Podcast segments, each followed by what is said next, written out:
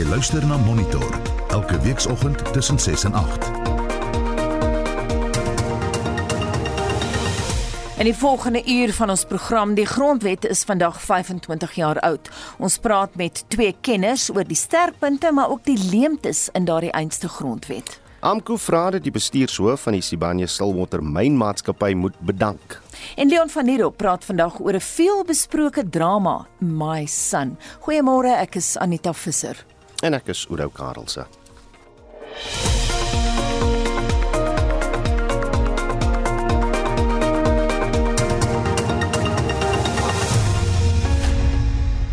Half minute oor 7. Die Suid-Afrikaanse grondwet is vandag 25 jaar oud. Monitor steek vanoggend kers op by twee grondwetkenners oor die sterkpunte maar ook die leemtes daarvan. Ons praat met professor Elmien Du Plessis van Noordwes Universiteit. Goeiemôre Elmien. Goeiemôre uh, Anita Udo en Leon en die luisteraars.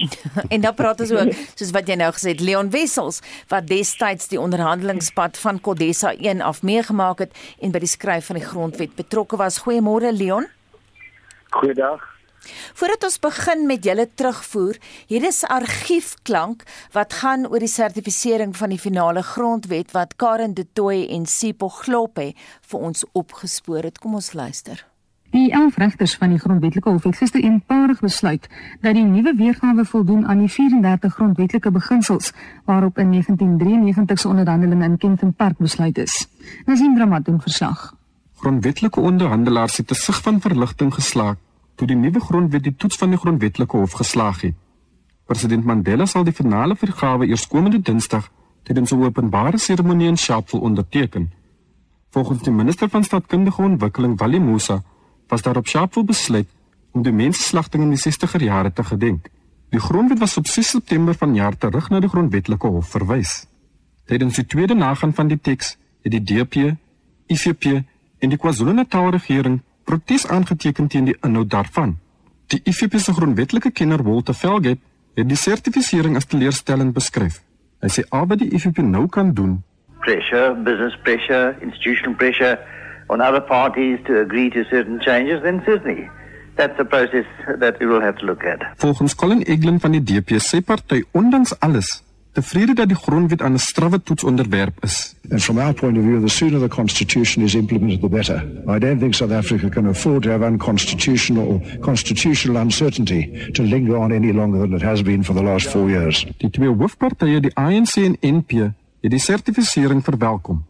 Volgens Wally Musa van die is sy party verheug dat die hof die teks die groen lig gegee het, terwyl Roof Meyer van die NP bly was dat Suid-Afrika nou 'n stel reëls het waar volgens die lande regeer kan word. President Mandela het die uitspraak beskryf as die einde van 'n hoofstuk wat onder 'n baie moeilike tyd begin is. Ek is Nazim Dramat vir Monitor in Johannesburg. Interessant om daai ou stemme weer te hoor. Elmin, wat is volgens jou die grondwet se sterkpunte? Ja, ehm um, ja, ek dink ons praat baie keer van die grondwet wat so 'n uh, regtig wonderlike grondwet is en ek dink dit is 'n sterk punt wat daar op die papier staan is regtig regtig wonderlik. Ek dink ehm um, dit het gekom uit 'n lang proses, uit 'n geskiedenis. Dit fokus nie net op vryhede nie, dit dit is ook gemik om seker te maak dat ons die gereedskap het om gelykheid daar te stel om die die ongeregtighede van die verlede aan te pak. So die grondwet is gepak met baie toerusting wat ons kan gebruik om die samelewing te verander en ek dink dit is die beslis van die sterkpunte van die grondwet. Leon en dan moontlike leemtes. Wel, die, die, laat my om ja, asseblief om net onmiddellik te sê, uh, dit is my baie groot voorreg om vanoggend in julle geselskap te wees en ook saam met Elmina aan die program te kan deelneem. Haar pa Lourens was my klasmaat. Hy was die voorsitter van die tegniese komitee wat die hoofstuk oor menseregte vir die tussentydse grondwet geskryf het.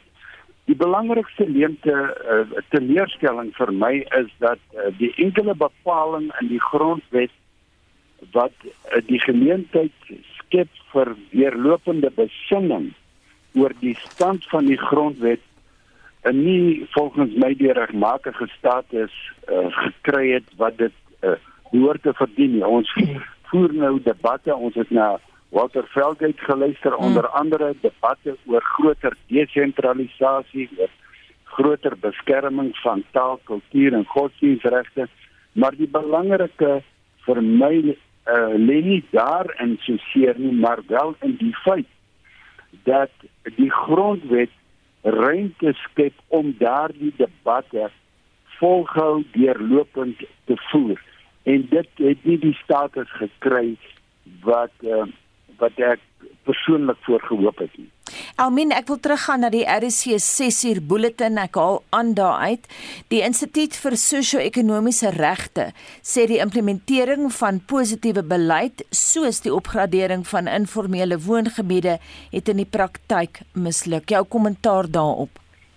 Ja, so as ek praat oor die goeie dele van die grondwet, eh, dit wat op die papier staan en die gereedskap wat ons kry as gevolg van daai woorde wat op die papier staan, beteken dit natuurlik uh, nie veel as ons nie dit gebruik om verandering in die samelewing te, te te bring nie. En ek dink Seri wat daai stelling maak, hulle het wonderlike hofsaake in die hof al gevoer oor byvoorbeeld behuising wat wat eintlik ehm um, wys net hoe goed die grondwet kan wees. Ek hulle het ook 'n paar regtig monumentale saak het gevoer, maar dit dit is nie net vir die howe om die grondwet toe te pas nie, dit is ook vir ons as burgers om seker te maak dat ons leef in lyn met die waardes van die grondwet, dat ons seker is dat daar aan die grondwet voldoen is, maar dit is ook die wetgewer wat moet seker maak dat daar ehm um, die nodige wetgewing gepromoveer word in terme van die grondwet en dan natuurlik die uitvoerende gesag wat moet seker maak dat daai wette en beleide uitgevoer word. En as hierdie drie ek wil ek wil sê vier met die burgerlike samelewing as ons nie saamwerk om dit te laat gebeur nie dan eh, kan mense reg begin bekommerd raak. Ek dink in die een ehm um, grondwetlike hofsaak die voorsitter saak het die, die hof gesê as mense nie sekere van die ehm um, harms skiet ek sê nie seker die Afrikaanse woord nie maar as mense nie dit gaan adresseer nie dan gaan 'n mens die geloofwaardigheid van die grondwet ondermyn. So so mense moet onthou dat die, die grondwet net soveel gewig soos wat dit ehm um, iets kan lewer en dit is nie net die die stuk papier wat dit moet lewer nie, dit is nie net die howe wat dit moet lewer nie, is ook die politieke kultuur en ons as die burgerlike samelewing wat moet seker maak dat daai woorde omgesit word in aksies. Leon het hierdie week 'n groot toets van ons grondwet gehad, uh, as dit aangaande grondonteiening uh, sonder vergoeding. Jy was ook al lank by die MRK. Hoe het jy daardie grondwet se praktiese funksionering beleef? Wel die praktiese funksionering was dat die menseregte kommissie uh, na uh menseregte skendings uh drie keer in my termyn van 10 jaar uh in die platteland ondersoek het. En telke male was die grond uh vraagstuk uh voor ons. En het amptenare onder andere van die departement wat verantwoordelik was vir die toepassing en die uitleef van daardie grondwetlike en statutêre bepalinge vir ons verskyn. Ek het hulle telke male elke keer dieselfde vraag gevra, naamlik as julle julleself moet punte gee. Hoeveel punte sal julle julleself gee? En nie een staatsamptenaar kon meer homself meer as 5 punte gee nie. Met ander woorde, die grondwet die grondwetlike woorde is geduldig maar die toepassing en die uitlewing daarvan uh val te kort. Daar is alminus kundig op hierdie terrein, maar daar is talle ondersoeke uh, na hierdie uh gebrekkige prestasies en telke male is die konklusie dat uh korrupsie swak toepassing politieke ry uh die gevolg het dat ons nie daardie ideale behoorlik realiseer nie. Ek onthou die skryf van daardie bepaling baie goed, maar ek ek gaan terwille van tyd nie nie nou al, al, op al daai seispoortjies loop nie. Amin, uh, ons het nou gepraat oor die talle redes hoekom die grondwet nie altyd goed geïmplementeer word nie, maar wil jy byvoeg wat kan ons doen om die implementering te verbeter?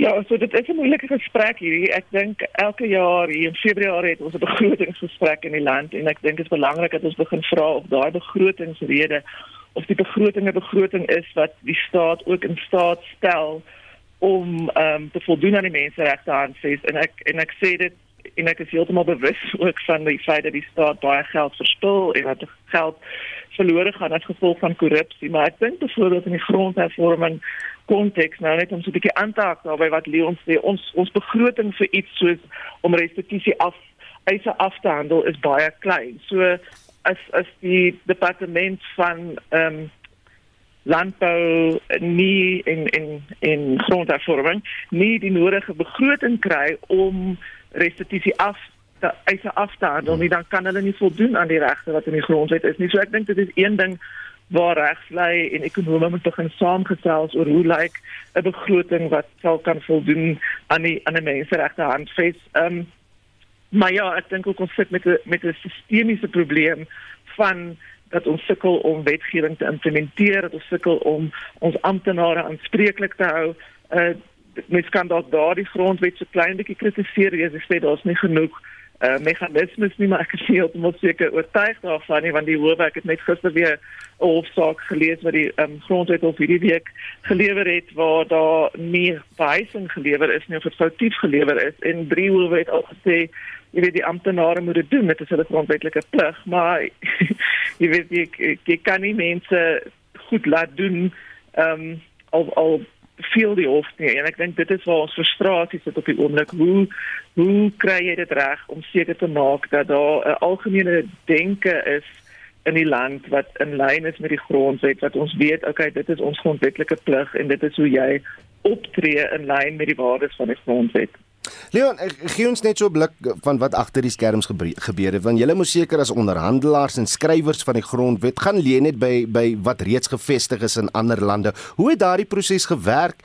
Uh van watter lande het ons bietjie gaan leen en en waar is ons grondwet uniek?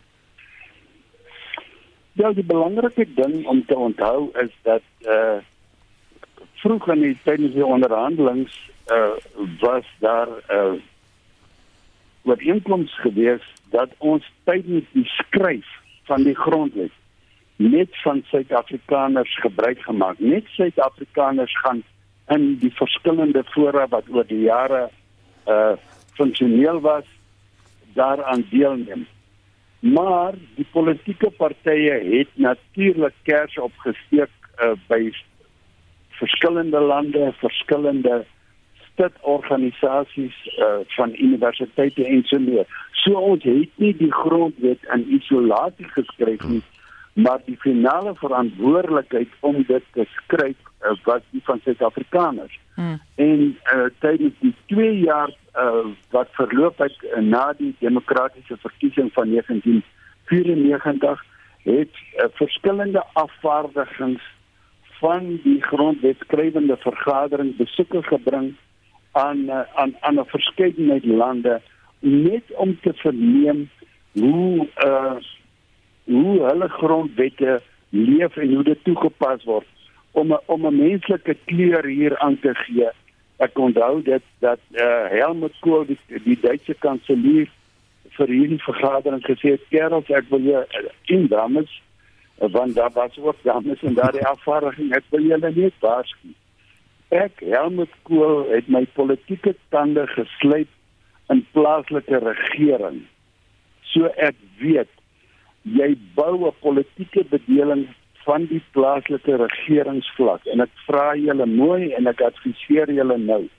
Julle moenie die grondwetlike bedeling wat toepassing vind op plaaslike regering skryf wanneer julle almal moeg en uitgeput is.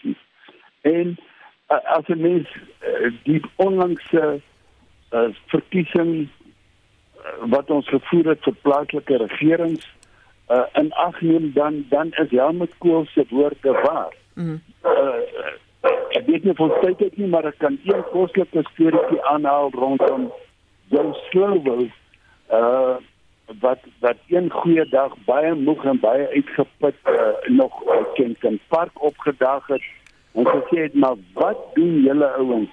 Daar het ons in Lusaka uitgehang, rustig laat geslaap in die oggend en gedink ons het al die antwoorde en ewe skielik vind ons nou hier rondom die onderhandelingstafel ons het nie al die antwoorde nie. Hmm.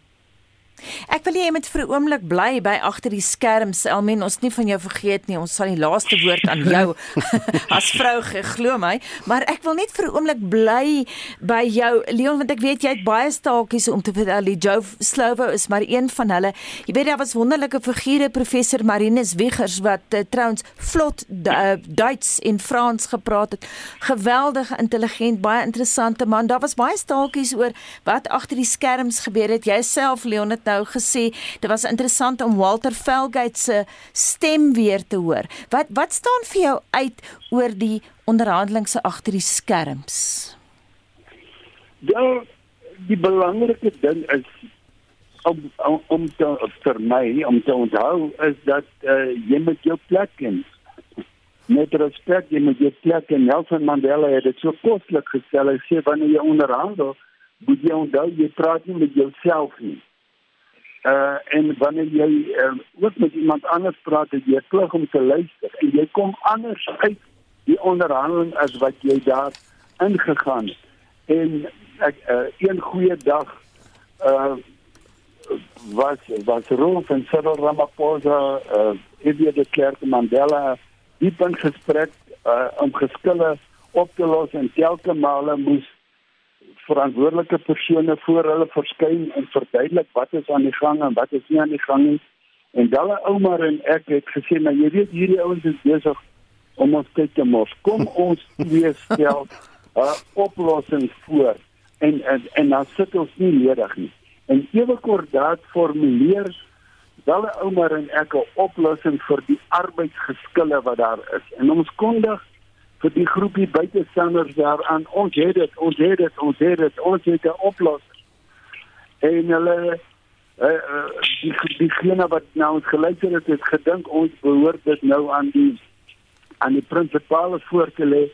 En die vier het ons een kyk gegee en uh Sodel en Mandela het vir uh, Omar gesê uh, wat het met jou gebeur dat jy so uitverkoop het en Rolf en Eddie het dieselfde opmerking teenoor my gemaak en dit het een ding beteken.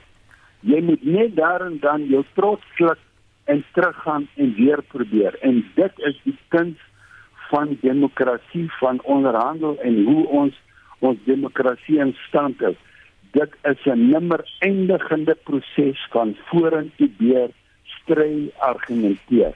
Maar in 'n grondwetlike bedeling gooi jy nie meer klippe en traanrook nie.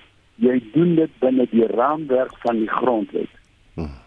Amin, dan wil ek vra ons het 'n fantastiese grondwet, dan ook 'n 'n grondwetlike hof wat, wat oor baie mag beskik. Is die verhouding tussen die 2 en 25 jaar nog gesond in jou mening?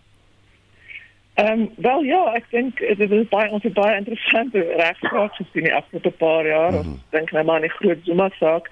Maar ek dink ook, ek weet daar's altyd 'n ongemaklike verhouding met die grondwetlike hof en die grondwet omdat die grondwet is 'n produk van politiek. Ehm um, maar dit is dit reël ook die politiek.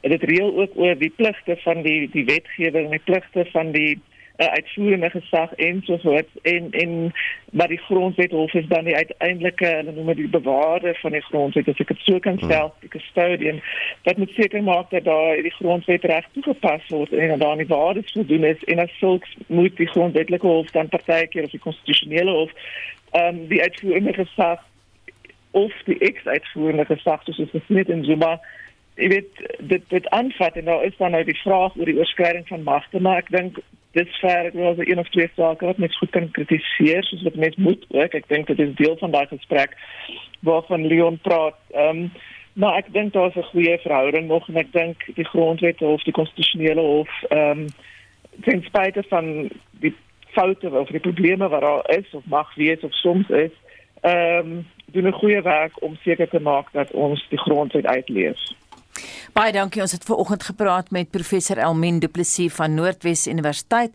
en Leon Wessels wat destyds die onderhandelingspad van Kodesa 1 af meegemaak het en by die skryf van die grondwet betrokke was. Ons het ons klankargief gevra Karen de Tooi en Sipo Gloppe het ons gehelp om daardie klank wat geskiedkundig is vir ons op te spoor. Jy luister na Monitor elke weekoggend tussen 6 en 8. 37 in die nuustieners tussen 12 en 17 word nou aangemoedig om hulle met die tweede Pfizer-enstof dosis te laat inent. En die karkas van 'n 8 meter lange boggelrug walvis het op die rotse by Seepunt in Kaapstad uitgespoel. Bly by Monitor.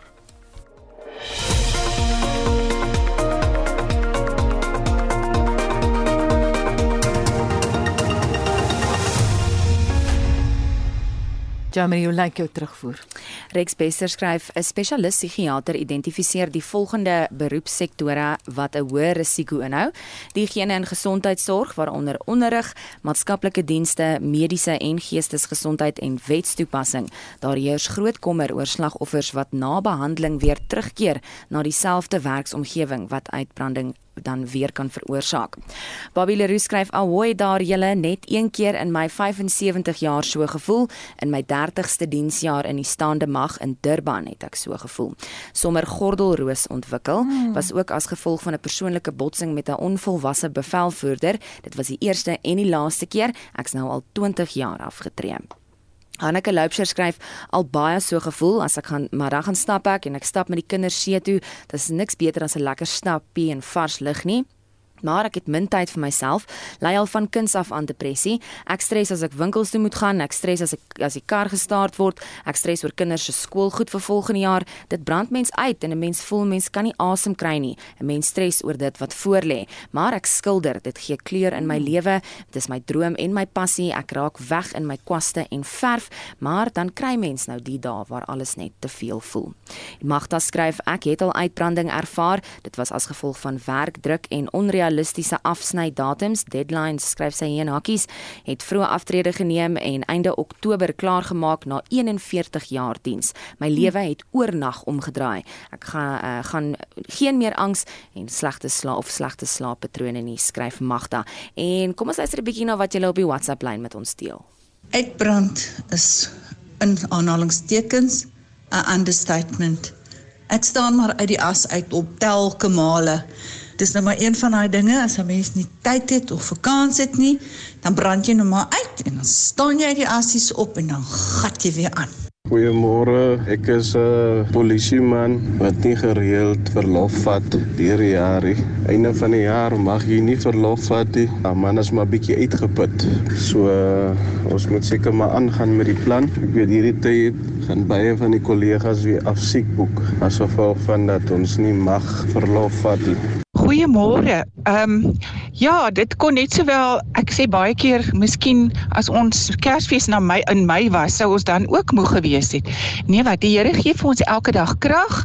It's all in the mind. Ons moet net aanhou en uithou en ja, dankbaar wees vir elke dag. Dit is as mens net so kyk vir al die genade en die dankbaarheid, dan is daar glad nie moegheid nie. Nou ja, ons praat vanoggend oor uitbranding. Uh, is jy of iemand naby jou al met uitbranding gediagnoseer? Vertel vir ons, jy kan vir ons 'n SMS stuur by 45889. Dit kos jou R1.50. Jy kan ook saampraat op ons Facebookblad en jy kan 'n WhatsApp stemnota stuur na 0765366961. En ek moet sê Magda, ons is bly oor jou nuwe lewe. Dit moet aan gesê word vanoggend. Jy sê jou lewe het handomkeer verander. Al daai spanning is weg. Dis weer eens 'n besige sport naweek. Shaun Jooste staan by en vertel ons meer.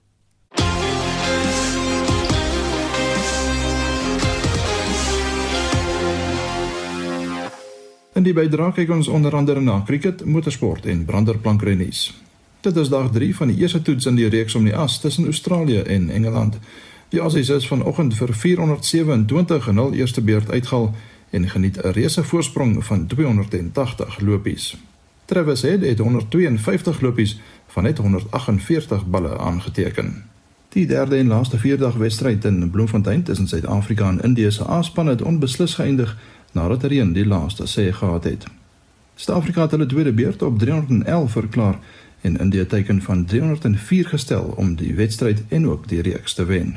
En dit op 90 vir 3 in hulle tweede beurt gestaan toe die reën neersak.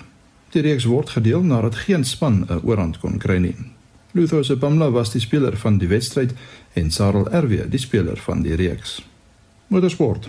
Die 2021 Formule 1 kampioenskappe word hierdie naweek in Abu Dhabi by die Yas Marina baan beslis. Dit is die eerste keer sedert 1974 dat die top 2 renjaars gelyk is op die punteleer. Max Verstappen van Nederland en die Brit Lewis Hamilton staan beide op 369,5 punte. Die renjaer wat die meeste punte in die wedren ontvang, is die kampioen, maar indien beide renjaers buite die punte eindig, sal Verstappen as kampioen gekroon word. Kwalifikasie begin môre middag 3uur en die hoofren Sondagmiddag dieselfde tyd. Dit is ook die laaste ronde van die seisoen. Sokker. Villarreal het Atalanta gisteraand in 'n wegwedstryd met 3-2 uitoorlê en hul plek in die Kampioenligga se laaste 16 ronde bespreek. In die Engelse Premier Liga speel Brentford vanaand 10uur teen Watford. Môre middag half 3 draf Manchester City teen Wolves op die baan uit. 5uur kom Arsenal teen Southampton, Chelsea teen Leeds United en Liverpool teen Aston Villa te staan. Norwich City en Manchester United pak mekaar die aantal 8. In die DStv Premier Liga takel Chippa United in AmaZulu, Baroka FC in Cape Town City en Marokko Swallows in Marumo Gallants mekaar môre middag al 4. Orlando Pirates met 6uur teen TS Galaxy en SuperSport United die aand kwart oor 8 teen Mamelodi Sundowns kragte. Op die rugbyveld begin die Europese Kampioenskapsreeks vanaand 10:00 wanneer die Engelse span Northampton Saints teen Racing 92 van Frankryk op die veld uitdraf. Môremiddag 3:00 takel die Walliese span Cardiff Blues en die Franse span Toulouse. Kwart oor 5 Leinster van Ierland en Bath van Engeland en die aand 10:00 Exeter Chiefs ook van Engeland en Montpellier ook van Frankryk mekaar om net 'n paar te noem. OK, Die Suid-Afrikaanse manspan gaan in die derde weergawe van die Hockey Pro Liga deelneem nadat Australië Nieu-Seeland weens COVID-verwante reisinperkings moes onttrek. Suid-Afrika speel van 8 Februarie af in Potchefstroom teen Nederland, Indië, Kanada en Duitsland. En laastens in Branderplankrennies. Die 52ste Balito Pro en die 55ste Suid-Afrikaanse Kampioenskappe het gister begin. 13 mans en 7 vroue uitdenrondes is voltooi met groot name soos Luke Sleipen en Josh Faulkner onder die mans en Sarah Knight en Sophie Bell in die vroue afdelings wat hulle onderskeie uitdenrondes gewen het. Dag 2 se aksie begin om 8uur. Shaun Schuster, RSG Sport vir wêreldnuus gebeure sluit Estie nou by ons aan en ons begin in Suid-Mexico. Uh, Estie waar ten minste 53 mense en talle meer beseer is nadat die vragmotor waarin hulle vervoer is in 'n ongeluk betrokke was. Ja, Udo, ek moet net daar sê 53 mense is is uh ten minste 53 mense is dood. En uh volgens die owerheid is meer as 100 mense wat glo migrante van Sentraal-Amerika is in 'n waantjie van 'n vragmotor vervoer en die waantjie het begin rol nadat die vragmotor waarin die waantjie gehak was 'n brug getref het. En die ongeluk het in die staat van Chiapas gebeur. Fotos van die ongelukstoneel wys hoe slagoffers oor die pad lê. Die hoof van die burgerlike beskermingsagentskap in Chiapas, Louis, Louis Manuel Garcia sê ten minste 58 mense is beseer en sluit mans, vroue en kinders in. Hy het dit beskryf as een van die ergste ongelukke wat nog ooit in Mexiko plaasgevind het. Die vragmotor het na bewering te vinnig gery. En dan verskuif ons die fokus na voormalige televisieakteur uh, Jussie Smollett wat in die Amerikaanse hof of in 'n uh, Amerikaanse hof skuldig bevind is daaraan dat hy gejok het oor 'n voorval van haatmisdaad wat glo teen hom gepleeg ek, ek sien hy skuldig bevind aan 5 aanklagte van wanordelike gedrag en dat hy vir ure lank in die getuiebank gejok het. Ja, en die aanklag teen hom spruit uit 'n gebeurtenis in 2019 toe die voormalige Empire televisiester aan die polisie gesê het hy is as swart en gay man aangeval. Hy het gesê twee aanvallers het 'n Trump slagspreuk geskree, 'n chemiese stof op hom gegooi en 'n strop om sy nek vasgemaak terwyl hy laat aand in Chicago geloop het en die polisie het toe begin om die aanval te ondersoek, maar in Februarie 2019 het hulle Smollett aangekla dat hy 'n vals polisieklag ingedien het en 'n vals aanval geskep het. Die BBC se verslaggewer, Naomi Iqbal, sê die twee mans wat deur Smollett van die wandade beskuldig is, is aanvanklik deur die polisie in hegtenis geneem, maar weer vrygelaat. Sy sê hulle albei tydens die 2 weke lange verhoor getuig. And they actually testified against Mr. Smollett. They are two brothers who, from Nigeria, and they claimed that Mr. Smollett had paid them about $3,500 to stage this attack. Mr. Smollett himself took uh, to the stand to defend himself, and he claimed that it was never money to stage an attack. He said that he had paid them this money for personal sessions, for meal plans, workout plans. That the two brothers are gym instructors, and he has maintained his innocence throughout all of this. Nou Smollett is gister skuldig bevind op 5 van die 6 aanklagte teen hom en die staatsanklaer Daniel Webb het met die media buite die hof gepraat nadat hy skuldig bevind is. A lot of times people say well police officers sweep things under the rug. This police department responded by absolutely testifying in this trial that they took it seriously, they believed it was the victim of a crime and they worked so hard for the next 3 weeks. 26 Chicago police officers spent 3000 hours of time costing the city well over $100,000 for a fake crime that never occurred. And by the way, a fake crime that denigrates what a real hate crime is. Smollett se regsverteenwoordiger Nenye Uche glo egter hulle sal die skuldigbevindiging op appel kan omkeer. Unfortunately, that's not the route we wanted, but sometimes that's the route that you have to take to win. especially a case where we remain 100% confident in our client's innocence. From the first day of this case, his case has been prejudged, his case has been tried in the media, and it's unfortunate. This is the United States of America. We live in a constitutional democracy where everyone is presumed innocent. But obviously, we're being honest, that hasn't been the case. In social media, in the media, he's been tried and convicted before his day in court. Hy kan tot 3 jaar tronkstraf gefonnis word op elk van die aanklagte en vonnis is tot op 'n latere datum uitgestel. Dit dan is die met 'n oorsig oor vandag se wêreldnuus. Die mynwerkersvakbond AMKU versoek dat die bestuurshoof van Sibanye Stillwater, Neil Vroneman, moet bedank. Die vakbond sê 18 werkers is vanjaar by verskeie myne wat aan die maatskappy behoort dood. Vier mynwerkers by die Beatrix myn naby Tennyson is verlede week in twee afsonderlike voorvalle dood. Jo Marie Verhoef het meer. Die vakbond beweer dat die sterftes plaasgevind het omdat die mynbestuur nie die veiligheidsregulasies streng toegepas het nie. Drie mynwerkers is verlede week dood toe 'n voorlaaier se remme onklaar geraak het en hulle getref is. AMKU se voorsitter van veiligheid en gesondheid, Zolani Bokoloshe. Sibanye Stillwater, they don't think about people, they think about themselves. That is why as AMKU we are appealing to the Stillwater CEO to resign as a CEO of the company.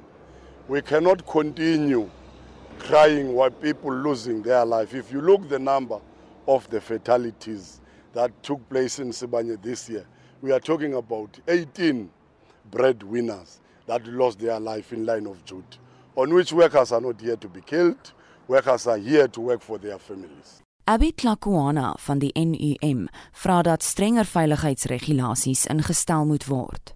What we want to see is that whenever there is an instruction that is uh, issued by the DMRE, especially the inspectorate, the originator of that instruction should always be part of the presentation, not anybody other than the originator. And we want to be part of every updates or any review of uh, the health and safety policies, health and safety standard. NUM must also be part of that as a stakeholder. Die hoof van beleggingsverhoudinge by Sibanye Stillwater, James Wellstead, sê die voorvalle word ondersoek. We have suspended operations at Beatrix pending further investigations with the regulators and other stakeholders. Once they've been concluded, we'll be in a better position to provide more detail and also uh, map the way forward. We're treating this very seriously. It's a tragic series of events and we are focusing all of our t- attention on ensuring the safety and health of our employees in our workplace. Alle werksamehede by die Beatrix myn is steeds opgeskort. Die verslag deur Cornelo Lecafola in Tennyson, ek is Jean Marie Verhoef vir SAK nuus.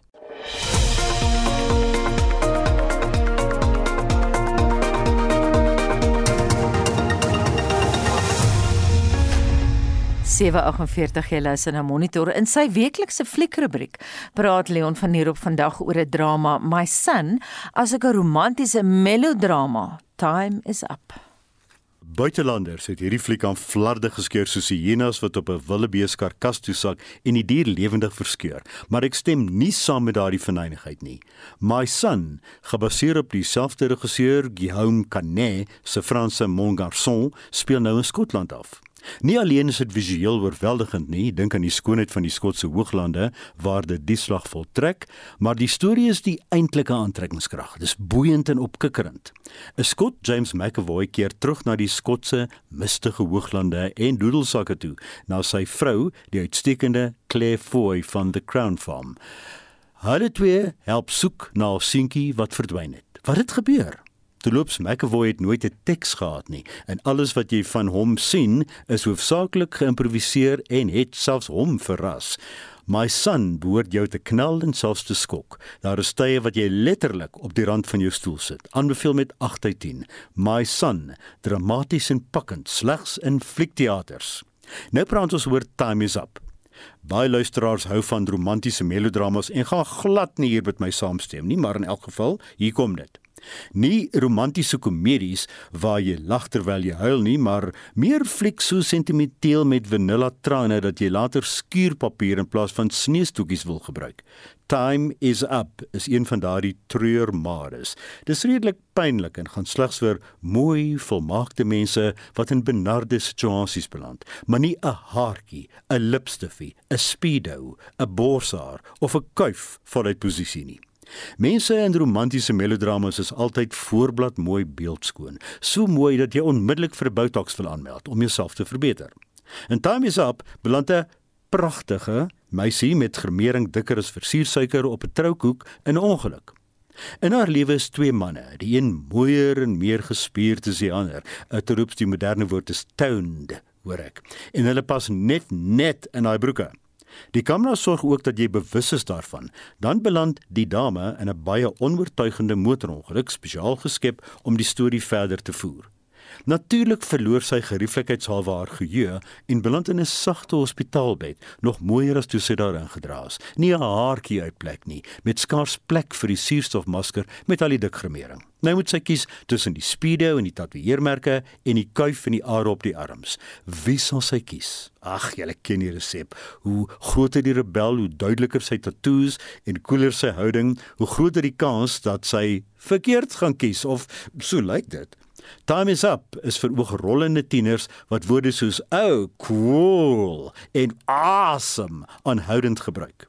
Dis ook wat hulle in Time is up sou doen wat vir volwassenes redelik moeilik is om deur te worstel. O, die hel van jonk en mooi wees. As ek jou kan aanraai gaan kyk eerder na West Side Story of Spider-Man No Way Home wat vandag begin en nie vir resensente gewys is nie. Ten minste is Spider-Man se moraliteit beter. Time is up kry 'n stempel op die titel wat sê ja 4 uit 10 net vir tieners. Lees die resensies op ons webtuiste erisg.co.za klik op fliekrubriek. Ja, beteken dink ek Leon moes 'n akteur geword het. Dit dan ons nimmerlike Leon van hierop met sy weeklikse fliekrubriek. Man probeer wait for this in en te ontduik met vals arm. Hoekom gaan jy dan hoe genaamd? So 'n opskrif in die media van dese week gelei en daarin bespreek die hoofredakteur van die WAT, Dr Willem Botha vandag die uitdrukking so bang wees vir iets soos die duiwel vir 'n slyps en ek smal oor daai uitdrukking en dan ook stieftande. Kom ons luister. 'n Italianer wat 'n inentingssertifikaat wou bekom sonder om ingeënt te word, het met 'n vals arm by gesondheidswerkers opgedaag. Ondanks die realistiese velkleur is niemand om die bos gelei deur die silikoon ledemaat nie. Die man met die ekstra arm is by die plaaslike polisie in Biella in die noordweste van Italië aangegee. Die voorval het plaasgevind kort voordat strenger regulasies in Italië ingestel word vir mense wat nie ingeënt is nie. Die 50-jarige Italianer was blykbaar so bang vir 'n inenting soos die duiwel vir 'n sluipsteen. Met ander woorde, baie bang. En hy bedink toe die plan met die vals arm. Die uitdrukking berus op 'n oorlewering dat die duiwel as straf die sluipsteen moes draai elke keer as hy 'n dronk man laat verongeluk. Jy kan ook sê iemand is so bang vir iets soos die duiwel vir 'n knapsak. Hierdie variasie is gegrond op 'n ou Vlaamse verhaal oor die smid wat sy siel aan die duiwel verkoop het. In die laaste deel van die verhaal vra die smid aan die duiwel of dit waar is dat hy homself baie groot kan maak. En die duiwel maak hom toe so groot soos 'n toring. Toe vra hy die duiwel of hy hom ook so klein kan maak dat hy in 'n sakkie kan kruip. Toe hy in die sakkie is, knoop hy die sak toe, plaas dit op die aambeeld en roep al die manne met hulle hamers om op die sak te slaan. Ons praat van vals wimpers en vals tande, maar vals arm klink effens ongewoon. Normaalweg sal ons praat van 'n protese, maar in hierdie geval was dit 'n ekstra, 'n vals arm vir 'n een eenmalige doel. Die meer aanvaarbare kunsgebit is later vir valstande geskep. Maar daar is ook skertsende benamings soos Engelse tande, winkeltande en stieftande. Stieftande is pas deur die Vlaming Erik Areis gekoop as deelnemer aan die WAT se borg 'n woord projek. Baie lekker om te hoor die Vlaminge deelneem uh, neem deel aan goed hier in Suid-Afrika. Dit dan Willem Botha, die hoof uh, redakteur van die Woordeboek van die Afrikaanse taal. Onthou as jy 'n woord wil borg of koop, gaan na www.wat.co.za. Jamie, jy lag nog oor daai uh, haarstyl. Daai Karoo. Dit is so oulik. Ehm Jean skryf op Facebook as ek moet sê hoe ek voel al vanaf Mei 2020 kry hulle die dokter, die polisie en boek my in 'n hospitaal en en kry 'n sielkundige. Al wat 'n mens kan sê is soms raak die lewe net te veel vir jou en jy gee voor jy hanteer en almal glo jou, maar diep binne jou is dit 'n oorlog wat broei en broei en wag om te ontplof. Ek is uitgebrand, oorweldig, emosionele, fisiese en geestelike spanning is so erg dis tot in my drome skryf Sean. Marika sê ons is ongelukkig in 'n tyd waar amper alles skeefloop. Besighede wat bankrot gaan, mense wat gedwing word om in te en, die verskriklike misdaad, pryse van letterlik alles wat die hoogte inskiet, medies wat ontelbaar duur geword het, medisyne oor die toonbank is ook belaglik duur. Dit is genoeg om 'n mens siek te maak. Dan kom die werksdruk en huisprobleme by. Dis absoluut nag, skryf Marika. Koos Groewe skryf op Facebook die werksomgewing druk uh, vir uitbranding voeg daarby 'n uh, oordrewe sin verantwoordelikheid en 'n persoon land in die moeilikheid. Rondte nommer 1 het ek 3 maande verlof geneem en 'n totale verandering van omgewing gemaak. Dit het ongeveer 3 jaar geneem om te herstel. Oefening is 'n moed en jy is glad en al is jy glad nie lus nie, alles kom terug daarna om 'n gebalanseerde lewe te lei en soms net rustig te wees. Dewald skryf om met my Jack Russell te gaan stap rivier toe doen wondere vir my, dan geniet ek dit om te sien hoe hy speel en snuffel in die rustigheid van die vloeiende water uh doen wondere vir my gemoed. Herlaai weer my siel en dan sien ek weer kans vir die dag. Martie Burrit skryf ek was een van die slimmes. Na 32 jaar in die onderwys het ek einde 2017 op 55 afgetree, lank voordat ek uitbrandstatus bereik het. Dit was een van my beste besluite ooit. Wie staan luisteraar wat skryf oor die helende water net hier voor die, die Jack Russell Dewald van der Jeff. Ek stem absoluut saam. Daar's iets helend aan water. Johnny net vinnig Spectrum se dagboek. Meer oor die minister van gesondheid se media konferensie vanoggend waar hy die jongste inligting verskaf oor die regering se inentingsveldtog. Prasa kondig aan dat lang is aan afstand treine weer beskikbaar is net betyds vir die feesseisoen en ons praat met die raad vir die versekering van gehalte onderwys Omalusi oor die afgelope matriek eindeksamen en die uitslae wat vir 20 Januarie volgende jaar beplan word. Ja, dan moet ons gaan stap en dit sal in die water gaan speel. Die vorige uitsendings van Monitor is op RSG se webblad as 'n potgooi beskikbaar. Gaan net na www.rsg.co.za.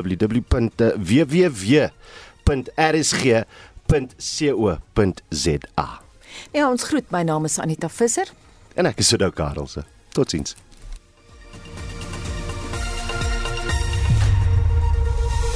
Esai Kahnis, onafhanklik, onpartydig.